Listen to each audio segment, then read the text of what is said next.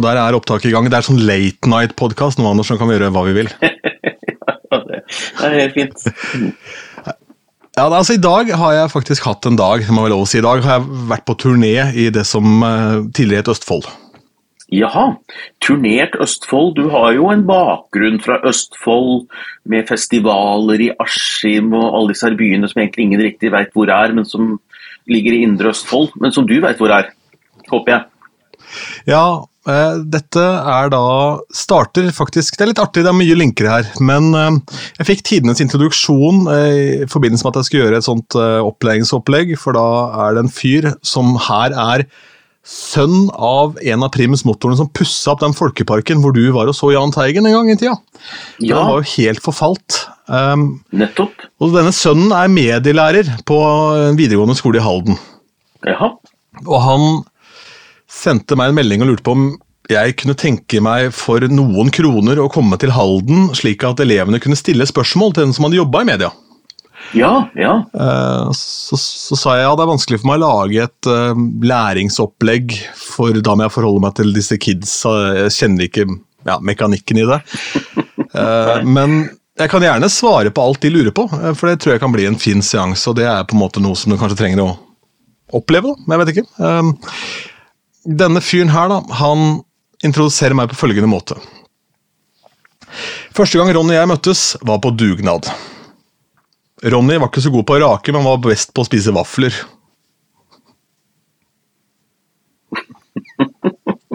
ja.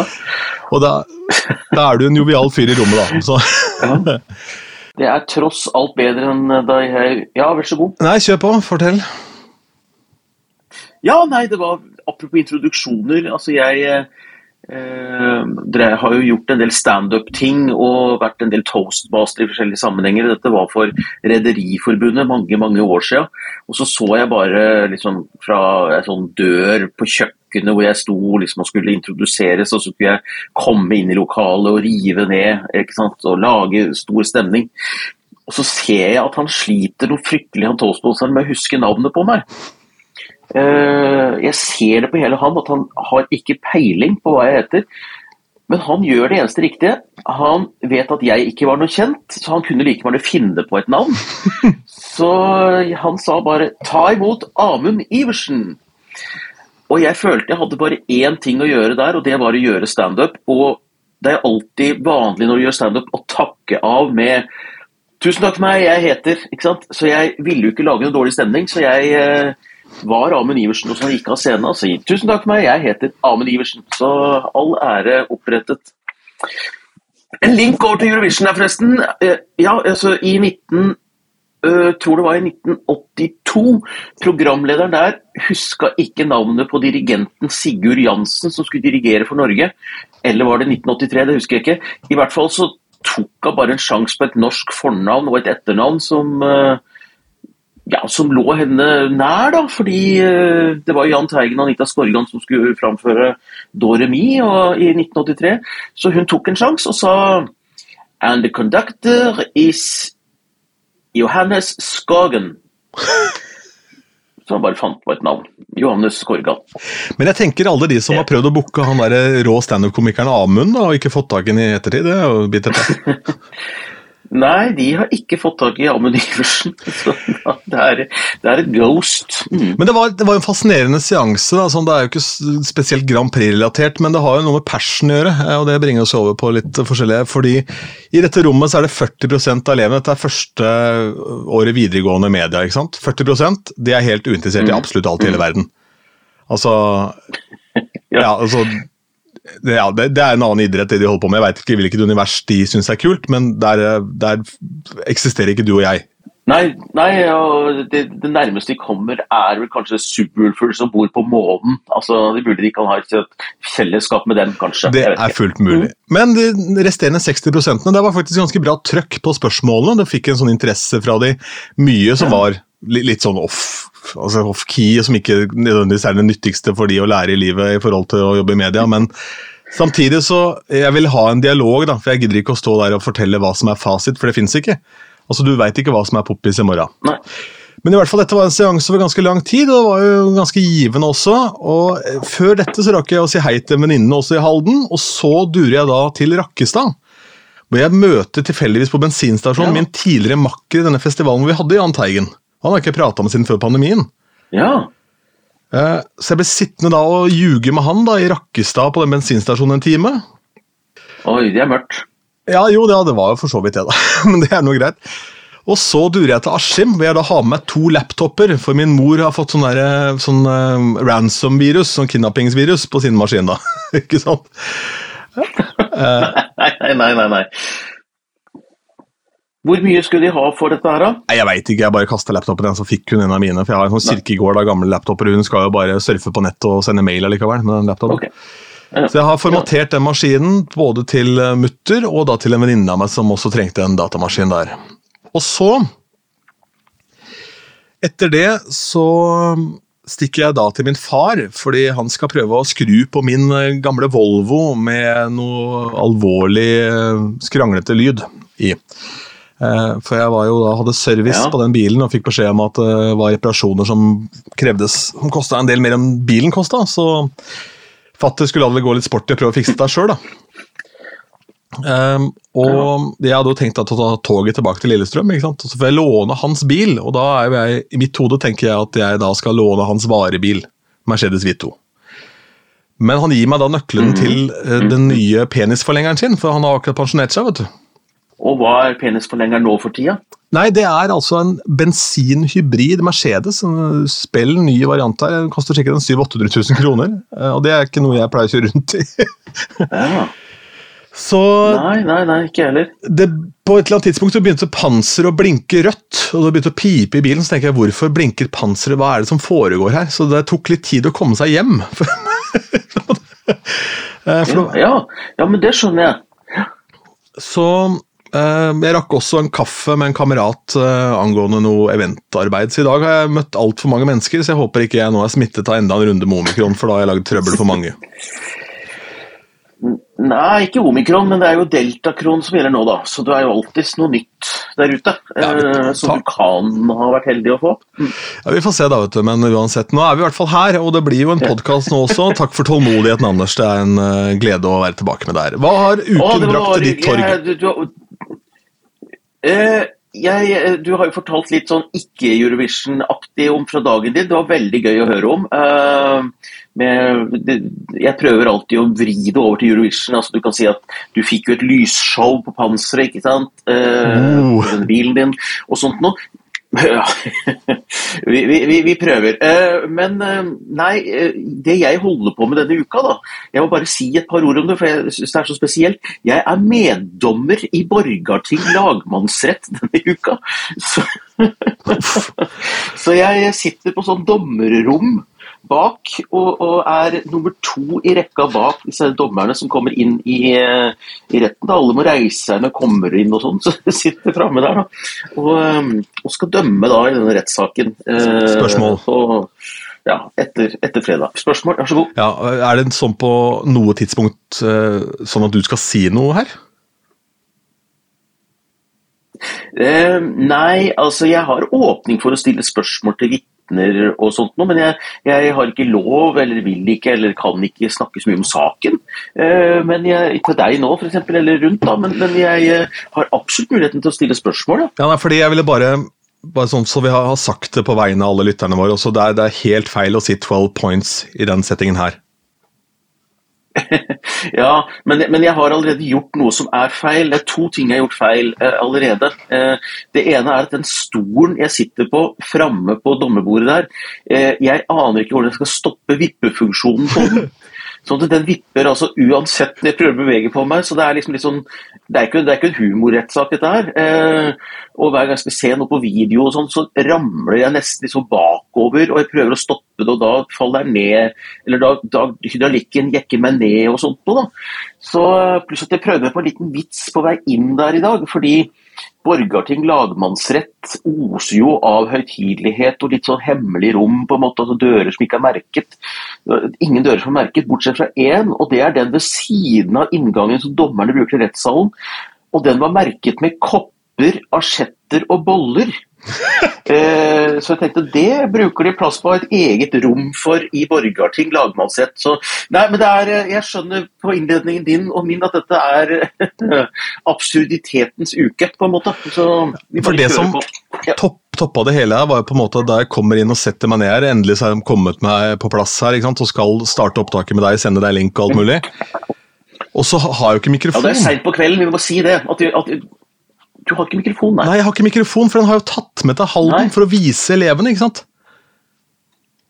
Å, oh, ja. ja så, så, hva er det du prater i nå? Nei, Jeg har jo vært og henta mikrofonen i bilen igjen, ikke sant? men jeg tok jo med den for å vise fram. Men et lite øyeblikk her så bare Hvor i svarte er mikrofonen min?! Altså, Nettopp, nettopp, ja. Så. Nei, men I read you loud and clear, så dette, dette går bra, dette, altså. Det er eh, Herlig. kjempefint. Og det er seint på kvelden. Det er kult, og det vet jo ikke folk eh, når de hører det. Eh, det kan jo være morgenen når folk hører det. Ti over elleve er vi nå på en mandag her. Men hvordan ender du opp med ja. å bli dommer i denne saken, da? Nei, det er jo altså Jeg må bare slå et lite slag for meddommer. altså fordi det er noe alle du må stille opp hvis du blir innkalt til å være meddommer, men samfunnet er såpass uh, Skal vi si eh, raust med folk at du skal få slippe hvis du absolutt ikke har lyst. Uh, og Måten å si det ut på det er at de går ut med en annonse og sier kunne du tenke deg å være meddommer. Ikke sant? Så Da får du jo tak i de folka som syns dette kan være litt spennende, litt interessant og litt gøy. Uh, men det skal jo være vanlige folk, da, for du skal jo dømmes av likemenn. For juryen er jo borte ikke sant, i rettssaken. Så da er det flere sånne meddommere i stedet for jury. Så de trekker ut, uh, rett og slett, uh, helt tilfeldig, fra de som har meldt seg. da, Nesten som en sånn forsvars... Nesten som militærtjeneste. på en måte. Det er veldig strengt. da, for uh, du, Hvis du blir innkalt, så må du møte opp. Mm. Det er fem dager nå. Ja, Men da kan du dag to spørre om det er mulig å få en ny stol, kanskje? Jeg, jeg, prøvde meg å nevne det, på, men alle bare syntes at det var så Jeg vet ikke, alle, tror jeg likte, alle, alle andre likte den vippefunksjonen, så jeg skal prøve å sitte litt roligere i morgen, tror jeg. Ja. Ja, kanskje, du må rett og slett legge på deg kraftig. Ta med deg en sånn vest som ja. tynger litt. Du er en liten spirrevipp, vet du. Det er jo det. Du bare sitter og gynger ja, på en stol. Jeg, jeg tror det er det. Jeg skal ta med noe leksikon og legge i fanget. Et eller annet. Yes! Jeg bare, jeg bare kommer her med de bøkene mine inn i rettssalen her, jeg. ja, ja, ja, ja. Nei, men Skal vi avslutte der, Ronny? Jeg sier at det var greit for i kveld. Nei. Det var Grand Prix-podkasten for i dag. ja, er, men noen episoder vil bli sånn som dette, fordi vi skal fylle noe hver eneste uke. og det er ikke noe tvil om at det skjer ting i vårt liv som eh, Om det er verdt å dele, det får være opp til dere å dømme, men i hvert fall så er det jo ikke det alle uker som er like spennende sånn i Grand Prixens tegn. Det vil sikkert noen si, jo, men alle uker er spennende i Grand Prixens tegn. Men du har jo da fått på en måte toucha litt på dette her eh, Denne usikkerheten din rundt din egen fandom til dette konseptet, da. Jo, ja, jeg, eh, vi, vi snakka om et par uker siden at jeg var litt usikker på om jeg var fan nok av Eurovision når jeg sammenligner meg med en del andre. Uh, og så fikk, fikk vi en tilbakemelding her fra en av de jeg hadde i tankene da jeg snakket om superfans. Uh, for jeg snakket om de som sitter og ser nasjonale finaler uh, hele året, egentlig. og som egentlig ikke ser så mye annet på TV enn gamle nasjonale finaler fra Jugoslavia-tiden, eller albanske finaler fra 80-tallet, 90-tallet osv. osv. Eh, så jeg fikk en melding fra eh, Steinar Mogen, som skriver at veldig bra innslag for siden du stiller deg dette spørsmålet, så er det et bevis på at du er fan nok. Det er vel en del andre som også burde stille seg det spørsmålet, som kaller seg fans. Så han eh, Uten å ville det, tror jeg, Steinar, så, så, så ga jo han meg egentlig enda dårlig samvittighet. for da eh, jeg tenker at Det er jo ikke noe krav, men han sa liksom at noen burde vel stille seg det spørsmålet. Men jeg mener jo ikke at noen burde stille seg det spørsmålet. Jeg tenker Dette skal nytes uh, enten i fulle drag eller i små drag. Så nå ga han meg egentlig enda dårligere selvfølelse på dette her. Det må jeg si, Steinar. Men hyggelig med tilbakemelding, og hyggelig at du liker podkasten til tross for dette. da. Og så har jeg fått en tilbakemelding fra Anniken Holtnes apropos det du sa om vår småsnakk. Uh, Ronny, og hun skriver jeg synes nesten episodene med småsnakk er de beste. Herlig. Men med tanke på da hvordan du er i kjelleren på egen selvtillit overfor din Grand Prix-fandom, så syns jeg synd på det mennesket som nå du skal dømme i denne saken. ja, ikke sant. Det er eh, Det skal godt gjøres å få noe Eurovision inn i den, eh, den saken. Det, så jeg skal prøve å la være. Jeg hadde en Eurovision-greie som skjedde meg på, på, lørdag, på en spillejobb. Da spilte jeg på, i et bursdagslag, altså på et utested, men det var veldig mange venner av en jente som heter Krissa, som er et ekstremt sosialt vesen. Ja. Eh, har bursdag på St. Patrick's Day, så er det St. Chris' Weekend, kaller hun det. ikke sant? Og det kommer kjempemange i hennes bursdagslag. Eh, og Da dukker det opp en fyr som vi bare kaller for Postmannen. for Han er postmann og har dritlangt skjegg. Jeg har ikke sett han siden før pandemien. Noen burde lage barne-TV om han, tenker jeg. Og han Nei, det tror jeg faktisk ikke. Det er ikke en god idé. Men anyway eh, Han eh, blei oppriktig glad for å se, for han er sånn type som bare 'Fader, det er jo deg!' Ja. Så kommer han bort da, i løpet av kvelden og så sier han 'Du, jeg har overhørt noen jenter der borte som har lyst til å høre en sang.' Så jeg, ja, ja, kult, ikke sant? Ja. De ville høre den, eh, det israelske bidraget fra Eurovision i 87. Ah, fantastisk. Oppa, ole, ole, ole, oppa, ole, ole, ole, oppa, ole, ole, oppa, Ja. Lazy Bums, ikke sant? Og dette her eh, har jeg jo glemt. Dette her er jo en greie de har. ikke sant? Du hører på denne frosken Hoakin hele vorspielet. Eh. Ja, ja. Men det var en raffinert måte å ønske seg en låta på. da, jeg likte Det Det var det. og så, ja nei, Barne-TV-serie, vi kan la den ideen ligge, kanskje. Men eh, nei, men Oppa Ole Ole Ole var en fantastisk uh, morsom låt. Litt sånn Blues Brothers-kledde folk som sto der og, og, sang denne. Og mange som husker den fortsatt, da, med veldig minimalistisk koreografi. Det var vel et par hoppetrinn, tror jeg, uh, som de gjorde. Nei, Veldig morsom låt, da, men det ble suksess da? Ja, nei, nei, altså jeg kunne ikke kjøre den, den er ikke kjent nok. Jeg får ikke med folk på den. altså Det blir en veldig intern greie, dessverre. Ja, Den, den låta er ganske dårlig i på en måte studioversjon. Liveversjonen har en kul energi, også, men studioversjonen er litt slapp. Men jeg sendte deg en video av Subwoolfer. Ja. Nei, men det var, eh, det var, jo gøy å se den videoen. At uh, låta liksom uh, funker. da, Noen dansa og noen uh, skravla, og akkurat sånn det skal være på et bursdagsselskap. Men jeg er spent nå. Eh, ultimate testen på hvordan låta slår an, det får vi allerede nå, Ronny, på lørdag. For da skal Subwoofer opptre på uh, et sånt pre-party, da, sånn fest i Barcelona. Eh, så da skal de ned dit med et litt nedskalert show i forhold til eh, Eh, det de hadde i NGP, det skjønner jeg jo, det er litt begrenset hvor mange de har råd til å liksom reise rundt med, tenker jeg. Men uh, disse ulvene skal i hvert fall ned da, i egen person. og uh, Uten noe stand-ins, har jeg skjønt. Så det er liksom de to som er de offisielle ulvene som skal reise nedover. Det er ikke to dansere de sender, f.eks. Så det blir gøy. Eh, og det der var jo forresten en klasseovergang. altså Det er noe av det bedre jeg har hørt. Der, der var du god. og Hvor du bare tok den rett inn der. altså Det var stor idrett. Hvilken, hvilken, overgang var det? For jeg merka egentlig ikke at de hadde noen overgang til. Nei, nettopp. Da, så god var den. ja, da, da, må du, Men, da må du ta ballen videre, du som vet hva jeg hadde overgang til. Ja, det var nettopp det. Uh, nei, Du gikk jo rett fra denne Subwoolfer dansefesten der. altså De fikk den ultimate testen på om låta satt. ikke sant? Det var jo et helt nydelig opplegg.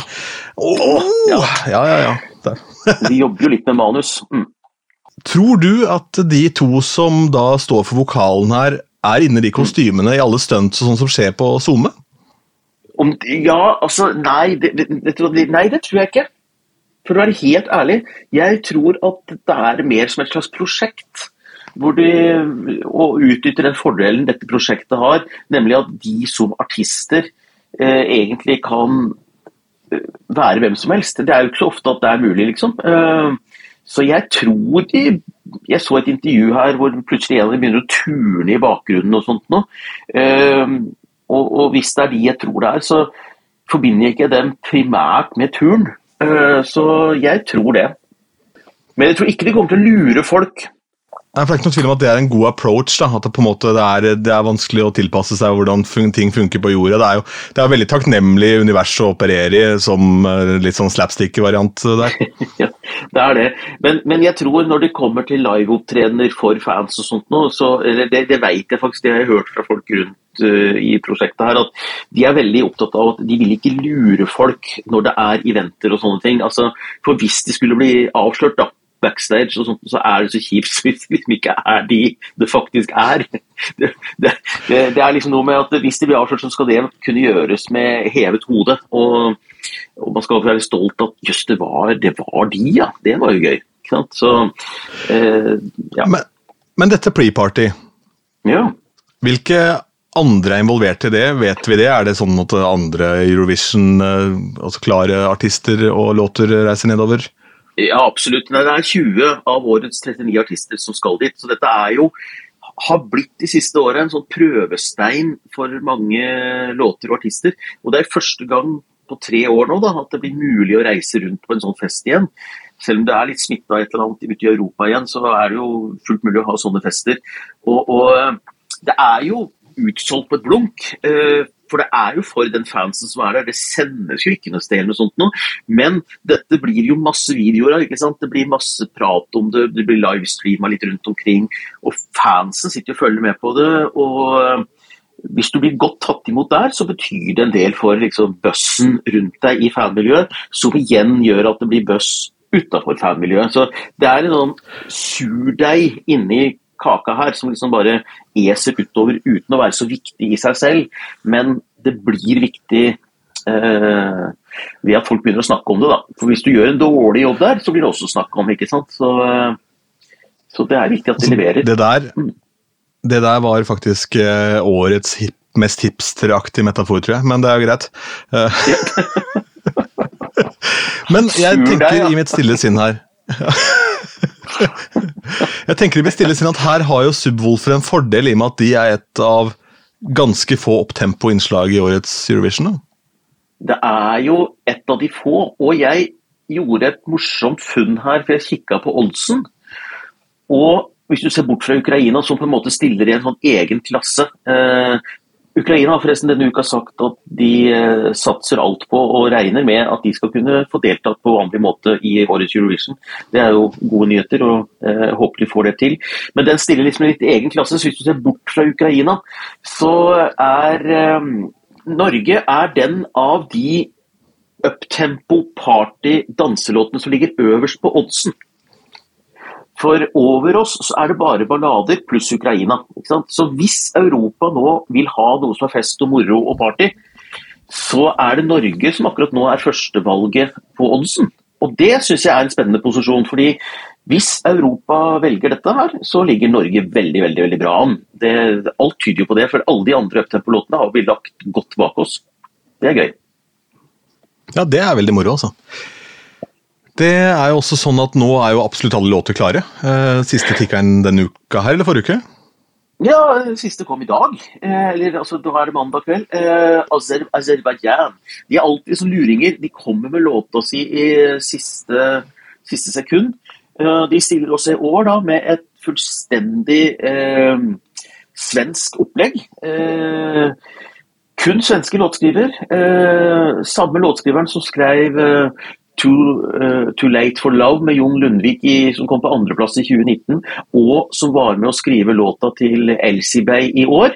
Uh, nå er jeg på mobilen, så jeg får ikke googla ting underveis. Jeg husker ikke navnet på han. Andreas Weitzik eller noe sånt, tror jeg han heter.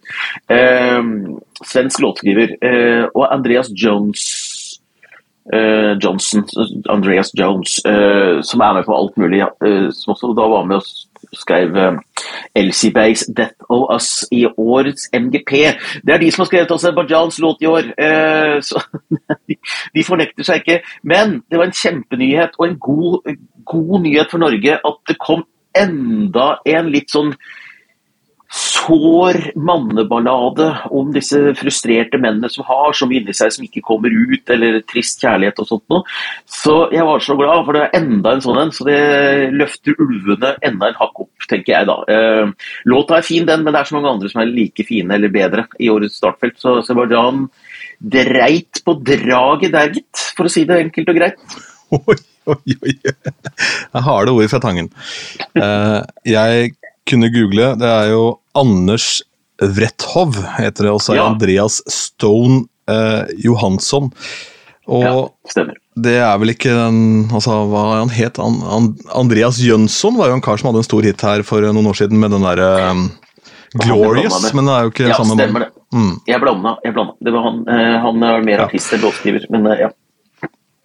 Ja, men um, det er noe så. Uh, nei, så da, ja, så riktig så er det enda en låt som havner på en måte i den sørpa der, da, som hvis vi kan kalle det det. Ja, den ligger på 13.-plass på oddsen. Fin nok, men det er liksom sånn det er uh, kjedelig. Og så, og så, blir jeg litt sur når et land år etter år etter år bare importerer svenske låter. fordi noe av det som er spennende med Eurovision for meg, det er jo å høre hva er det som rører seg i aserbajdsjansk popmusikk for tida. Det er det som er gøy. Det er ikke noe gøy at de bare kjøper det som rører seg i svensk pop. Så, men, men det må om det. Ja, for de er så utrolig connecta med det som rører seg ellers i verden, så det blir veldig sånn mainstream stort sett av de tingene der. For svenskene er jo helt ekstremt gode på, ja, på den popbiten. Det er det de er. Derfor gjør Aserbajdsjan det også bra. og de, de, bruker en dullion kroner på sceneshowene sine. ikke sant? Så Det blir alltid lekkert. så Den låta blir sikkert farlig, den. Eh, det gjør det alltid. Liksom. Tror du, sånn situasjonen er akkurat nå, at Ukraina tar dette på walkover? Ja, jeg, jeg, jeg, tror det. Og jeg har litt sånn blanda følelser på det. Fordi eh, heldigvis så er det en ganske kul låt. Nå er ikke jeg, det er ikke min bag. Eh, litt sånn eh, østeuropeisk rap eh, og etniske fløyter, liksom. Men, men, det er nå greit nok at det ikke er min. Eh, og den lå jo relativt greit an på oddsen før krigen også. Men eh, jeg syns det er litt synd hvis, hvis liksom låtas fremste kvalitet i en melodikonkurranse er at den er med fra et land som er i krig. Ikke sant? Eh, men folk uh, liker låta, og folk liker låta nett, kanskje fordi den kom fra Ukraina i år. Så jeg skal i hvert fall ikke være sånn hoveddommer om å si at nei, du får ikke lov til å stemme på den av den og den grunnen. Uh, folk får stemme ut fra den grunnen de vil, tenker jeg. men uh, men, og Jeg tror ikke noen blir sure hvis Ukraina vinner i år, men jeg, jeg tror de blir vanskelig å hamle opp med. Også. Det tror jeg. Men vi ender jo da i en situasjon hvor på en måte et land i krise får et av verdens største TV-konsepter i fanget. og Det er ikke sånn at eh, det er ikke gjort i en fei å rydde opp igjen etter den der dritten som de holder på å rulle inn der nå. For nå, nå, reiser, nå, får du ikke inn soldater, så nå ruller det inn tungt artilleri som bomber og whatever. liksom. Ja, Det er helt krise. Det er, det er så fælt Ronny, at det er liksom ikke mulig egentlig å ta det inn over seg. Men uh, når det gjelder Eurovision, da, så, så, er det jo sånn at det er det minste problemet å arrangere det neste år. For da, da må noen andre ta det, kanskje. Eh, nå er det jo byer i Vest-Ukraina som fortsatt står eh, relativt uberørt, så man kan jo håpe det. og Kiev har vel også overlevd så langt, så man kan jo håpe det, liksom. Men, men hvis det ikke skulle være mulig, så vil noen andre arrangere det. Eh, litt sånn som Australia. Hvis Australia skulle vinne, så kan ikke de arrangere det mye pga. tidssona. Det blir jo helt absurd. Men eh, mm. da er det jo sånn at eh, da er det noen av de andre som tar det. Det har vært snakk om at Tyskland er sånn reserveland, eh, eller Sverige. Ja, men samtidig, her har vi et folk som åpenbart er veldig stolte, og da hvis de ender opp med å ikke kunne gjennomføre dette, så er jo det Det er utrolig mye mekanikker i sving her som ikke man tenker kanskje helt på, ja. hvis man bare ender opp med å gi de en stemme sånn Hvis du er en av de som sympatistemmer fordi landet er i krig, da så ja. Det er jo en betydelig kostnad å gjøre Eurovision. Dette er jo en gigasvær greie. Det er jo ikke så mm. mye annet som er større. Det er OL liksom, og VM og ja, sånt som er større ting uh, enn denne produksjonen. For det er jo mye folk i sving, altså. Det er det, og det er, koster jo fort et par hundre millioner kroner eh, å arrangere det, pluss, pluss, pluss. Eh, men nå er det sånn at hvis Australia skulle vinne, så blir det jo et australsk inspirert finale eh, med australske produsenter. De får lov til å prege sendinga om sin australske kultur og vise fram landet sitt, men fra Tyskland. Så, så, Tyskland blir på en måte litt sånn teknisk arrangør, og det vil jo bli vist at det er fra Tyskland også. og Hvis Ukraina skulle vinne, så vil nok Ukraina både bruke muligheten og få muligheten til å vise fram landet sitt og være stolt av landet sitt neste år. Eh, mm. Fra det arrangørlandet. Noen har snakket om at Norge burde gjøre det, og jeg, jeg skjønner det, fordi vi har liksom penger og har råd til det. og sånt, Men hvis Norge først skal arrangere Eurovision, så vil jeg liksom skal være fordi vi har vunnet. uh, ja, og så er det en annen men, ting at vi har ikke vi har ikke den storebrorrollen som Tyskland har. Tyskland har jo da den storebrorrollen litt i Europa i form av liksom hva Angela Merkel har gjort over alle disse årene. Vært en ryddig Redda Hellas ut fra et helvete. Altså, det har på en måte vært ja. det har vært huben, for der har ting fungert. Maskineriet har rulla godt. ikke sant? Så ja, Norge er sterk på mye, men vi er ikke sterk på store konsertarenaer. Sånn at uh, Det er ikke der vi har å styrke primært. Liksom. Så det var nesten vanskelig å finne steder da vi skulle ha det i 2010. og Det er kanskje litt lettere nå, men, uh, men det er ikke sånn det er ikke veldig godt egna lokaler vi har overalt, egentlig. Er, uh, så vi er ikke gitt, det er ikke sånn selvfølge at Norge har kjempeforutsetninger for å arrangere det. Det er ikke det. Nei, og så skal det jo sies at Oslo er en by som eh, i et år uten pandemi har ekstremt press på hotellkapasiteten sin altså fem dager i uka. Det er stort sett bare helgene mulig å få plass. Ja. Så ja, det er ikke bare bare. Men la oss bevege oss eh, før vi gir oss. Må vi ta to ja. ord om denne amerikanske varianten som nå blir sendt på NRK. Ja, den sendes på NRK. Jeg eh, jeg boikotter jo den, jeg, da. Men det, det, er mange som ikke gjør det. det, det du, du, har fått med deg at det er Russland som skal boikottes, ikke sant? Altså ikke Amerika nå? Nei, nei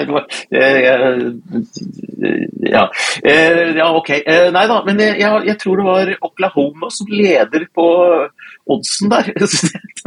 Jeg syns det var veldig morsomt å, å se liksom, amerikanske stater rangert liksom, på sånn Eurovision Eh, papir, på en måte. altså odds, og det er liksom Europa putta inn i USA. Så jeg skal innrømme at det var bitte litt gøy. Og når jeg sier boikotter, så er ikke det noe så aktivt valg, men jeg har nok til å glede meg til Eurovision i, i mai. Og så, eh, når dette går, så skal jeg kikke på det, jeg. Altså. Det er jo litt gøy. Det er jo faktisk litt gøy at Christer Bjørkman, denne svenske kongen, har dratt til USA og lagd en uh, hvor, hvor, de liksom sitter og ser land som And the 12 points from Puerto Rico goes to Oklahoma. Det er jo veldig gøy. Det er jo det. Ja, morsomt. Men bakgrunnen for denne boikott-tanken din er jo det at du er redd for at Eurovision skal amerikanifiseres til å bli boksmat. Altså... ja, det er det. fordi jeg, jeg, liker Europa, jeg liker europeisk kultur. Jeg liker at dette er vår europeiske lekegrind. Og alt amerikanere tar i det, har de så lett for å gjøre til sitt. Og så insisterer de på at den måten de gjør det på, det skal alle andre gjøre det på. Og så, og så er det noen risikerer jo at det er noen svake sjeler i Europa som tenker at ja, men kan vi ikke samarbeide litt tettere med USA, da? Og så plutselig så har det blitt enda mer amerikansk enn det allerede er, da. Det er jeg litt redd for. Men uh, jeg skal ikke være angstbitersk. Det blir gøy. Det uh, blir gøy. Jeg har ikke sett et sekund av det, men jeg må inn på YouTube og i hvert fall se noen teasere på dette, for det høres jo artig ut. Uh, og og så syns jeg det er, det er, et eller annet deilig, litt sånn nesten pinlig med at de velger å gå for det også. fordi det er jo åpenbart misunnelig på det som foregår i Europa her, da. Og det var en morsom vri på det. Kanskje skal se det sånn, ja. Mm, at det er et litt sånn patetisk forsøk på kopi. Det kan jeg se det som. Men tenk deg da, Amerika skal alltid være Big Brother, ikke sant? og så er et av verdens mm. største TV-show har ikke det en del av. Det er jo Australia får lov til å være med, men vi er ikke med. altså. Ja, Du skjønner jo greia her. Jeg skjønner veldig godt. Eh, det er gøy. Skal vi si det er greit, eller? Jeg tror det er greit. Du har kommet deg levende gjennom din uh, turné i Askim. Jeg har overlevd uh, første, min første dag oppe på dommerbordet i en rettssal. Uh, så jeg tenker det får være greit på en mandag.